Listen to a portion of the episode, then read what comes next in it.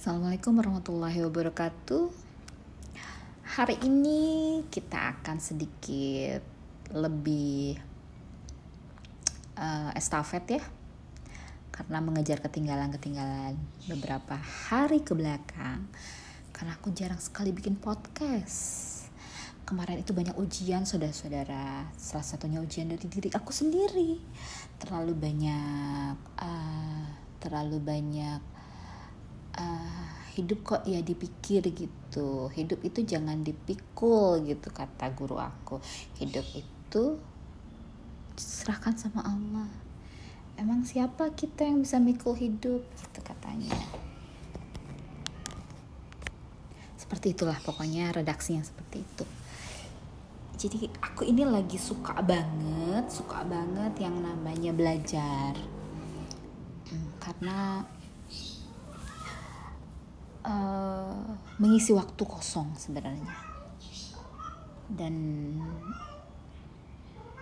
tujuan lain adalah ya mau apa lagi ya udah umur segini sudah banyak harus belajar.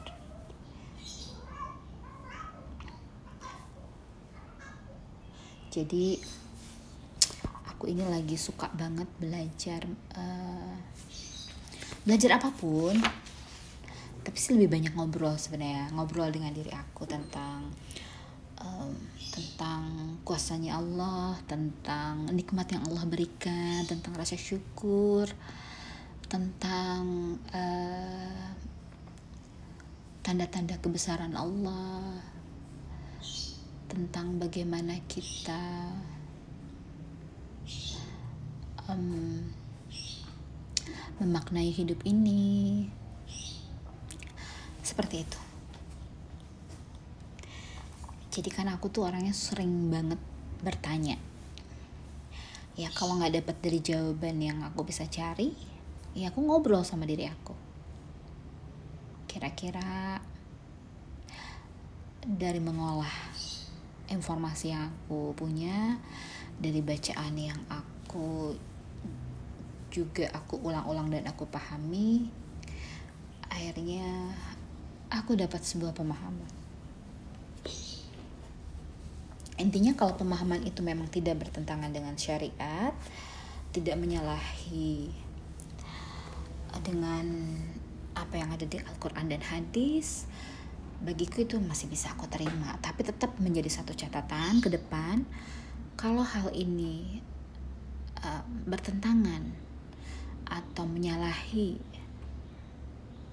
dari segala apa yang dituliskan melalui perkataannya Allah dan hadis-hadis yang disampaikan atau melalui perbuatannya Rasulullah maka itu akan aku perbaiki. Jadi ini aku lagi penasaran yang namanya Ashabul Kahfi. Jadi aku tuh bertanya-tanya kekerenan dari surah Al-Kahfi ini kok bisa sekeren itu gitu. Yang aku ketahui mukjizat dari surat Al-Kahfi ini dia bisa menjadikan diri kita diliputi oleh cahaya dari dari ujung kaki kita sampai dengan ke langit. Itu kalau dibaca 10 ayat pertama dan 10 ayat terakhir. Terus kemudian kalau kita baca keseluruhan itu cahayanya meliputi diri kita sampai dengan ke Ka'bah. Kebayang dong, itu mungkin keliling dunia cahayanya. Karena jarak dari Indonesia ke Arab Saudi itu bisa ditempuh dengan 8 jam.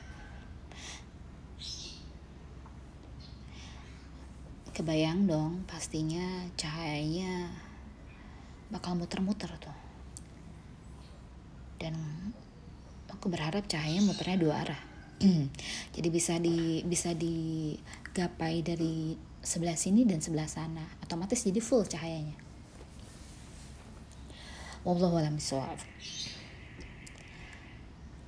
terus kemudian aku aku selami lagi nih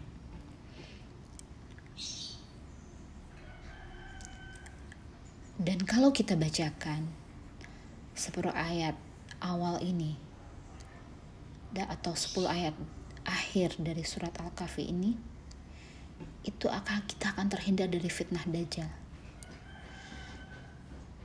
Yang aku tahu dajjal itu itu fitnah yang paling paling dahsyat.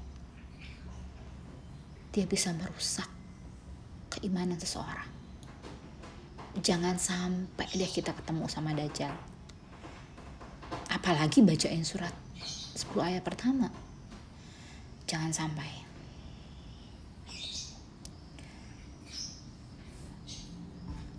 Aku baca-baca terus ulang satu kali dua kali surat al-kahfi ini.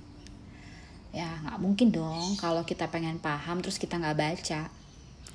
Sama aja kita kayak apa ya kayak tak kenal sama kata saya.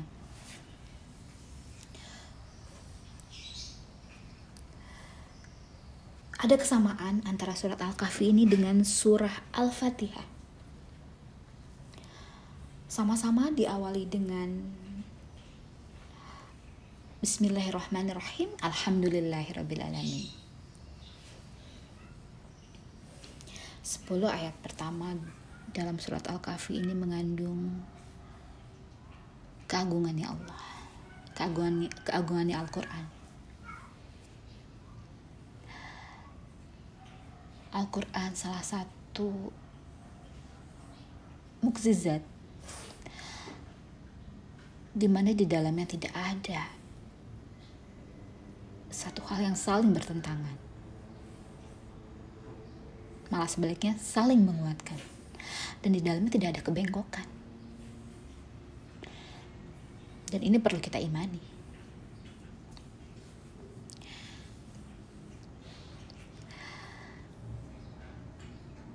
Bagaimana hal ini bisa melindungi kita dari fitnah dajjal?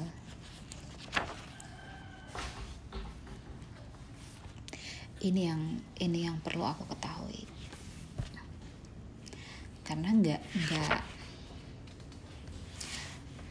karena ujiannya begitu berat ya. Jadi dalam setiap surah yang kita pelajari itu akan selalu ada ujiannya. Iya, sesuatu hal yang mukjizat, sesuatu hal yang begitu agung saat kita diberi pemahaman itu akan dikasih ujian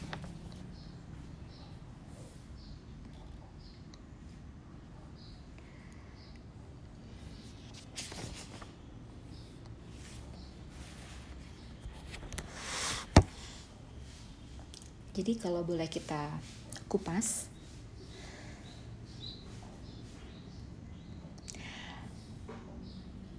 Saat keagungan, kesempurnaan menguraikan sifat, nama, perbuatan, kekuatan.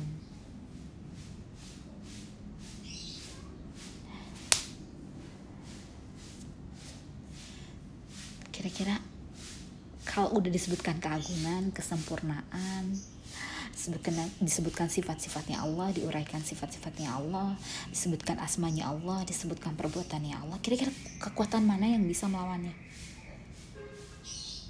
Yakini itu, gak akan ada yang bisa melawannya.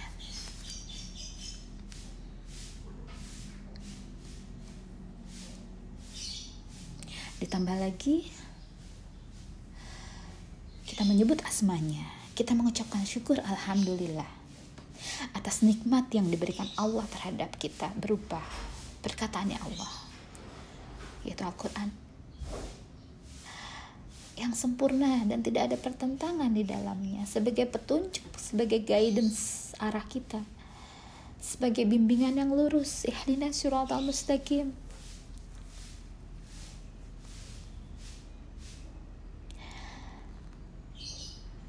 sebagai peringatan akan adanya siksa dan kabar gembira bagi orang-orang mukmin yang melakukan kebaikan. Kira-kira ada yang lebih dahsyat nggak dari itu?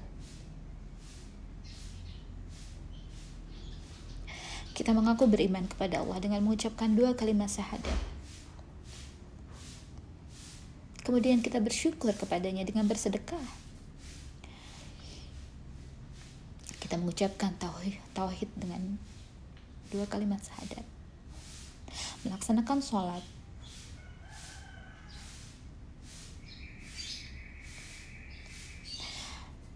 Ini semua adalah kabar gembira buat kita bagi orang-orang yang mukmin. Peringatan tentang siksa yang pedih bagi yang kufur dan sukanya membantah atas perkataannya Allah.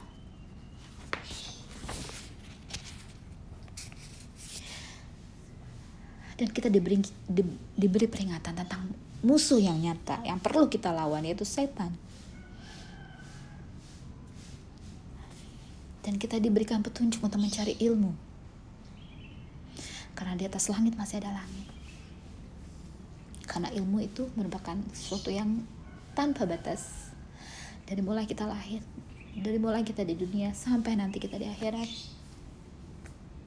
Insya Allah kita akan terus diberikan ilmu. Allah walam Itulah kenapa saya nggak bisa move on dari surat Al-Kahfi ini untuk saat ini.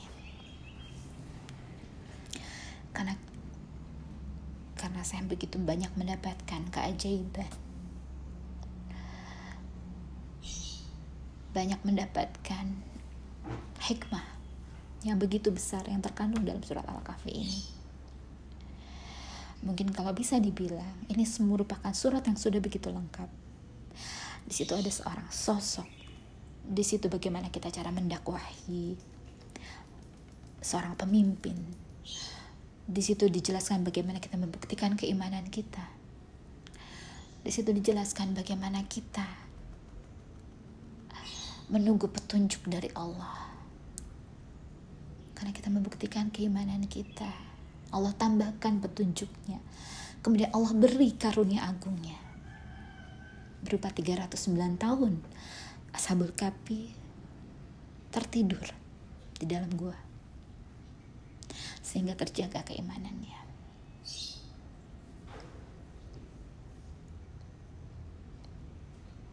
Mungkin itu hikmah yang saya dapatkan dari surat Al-Kahfi ini. Ini bukan merupakan suatu pemahaman yang sifatnya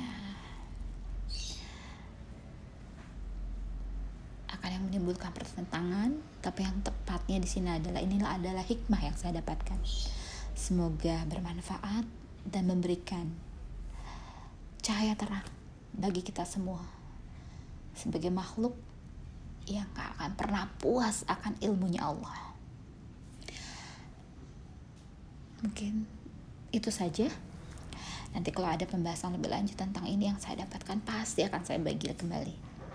Walau-walau bisawab, semua kesempurnaan adalah milik Allah dan kesalahan datangnya adalah dari saya. Assalamualaikum warahmatullahi wabarakatuh.